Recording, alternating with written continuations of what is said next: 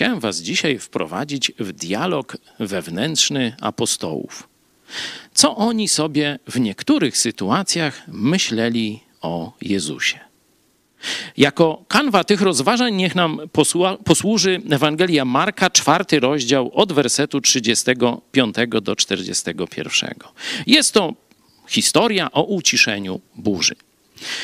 Jezus już po wybraniu apostołów, po różnych mowach, cudach i tak dalej, mówi: A teraz przeprawmy się na drugi brzeg. Oni, e, doświadczeni e, marynarze, rybacy, wypływają, on idzie spać, a tu zrywa się sztorm.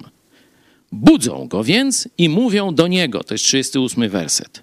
Nauczycielu, nic cię to nie obchodzi, że giniemy? Wow! Zobaczcie, ci wybrani przez Jezusa, apostołowie, uczniowie Jego. Zobaczcie, jaką myśl dopuścili do swojej głowy.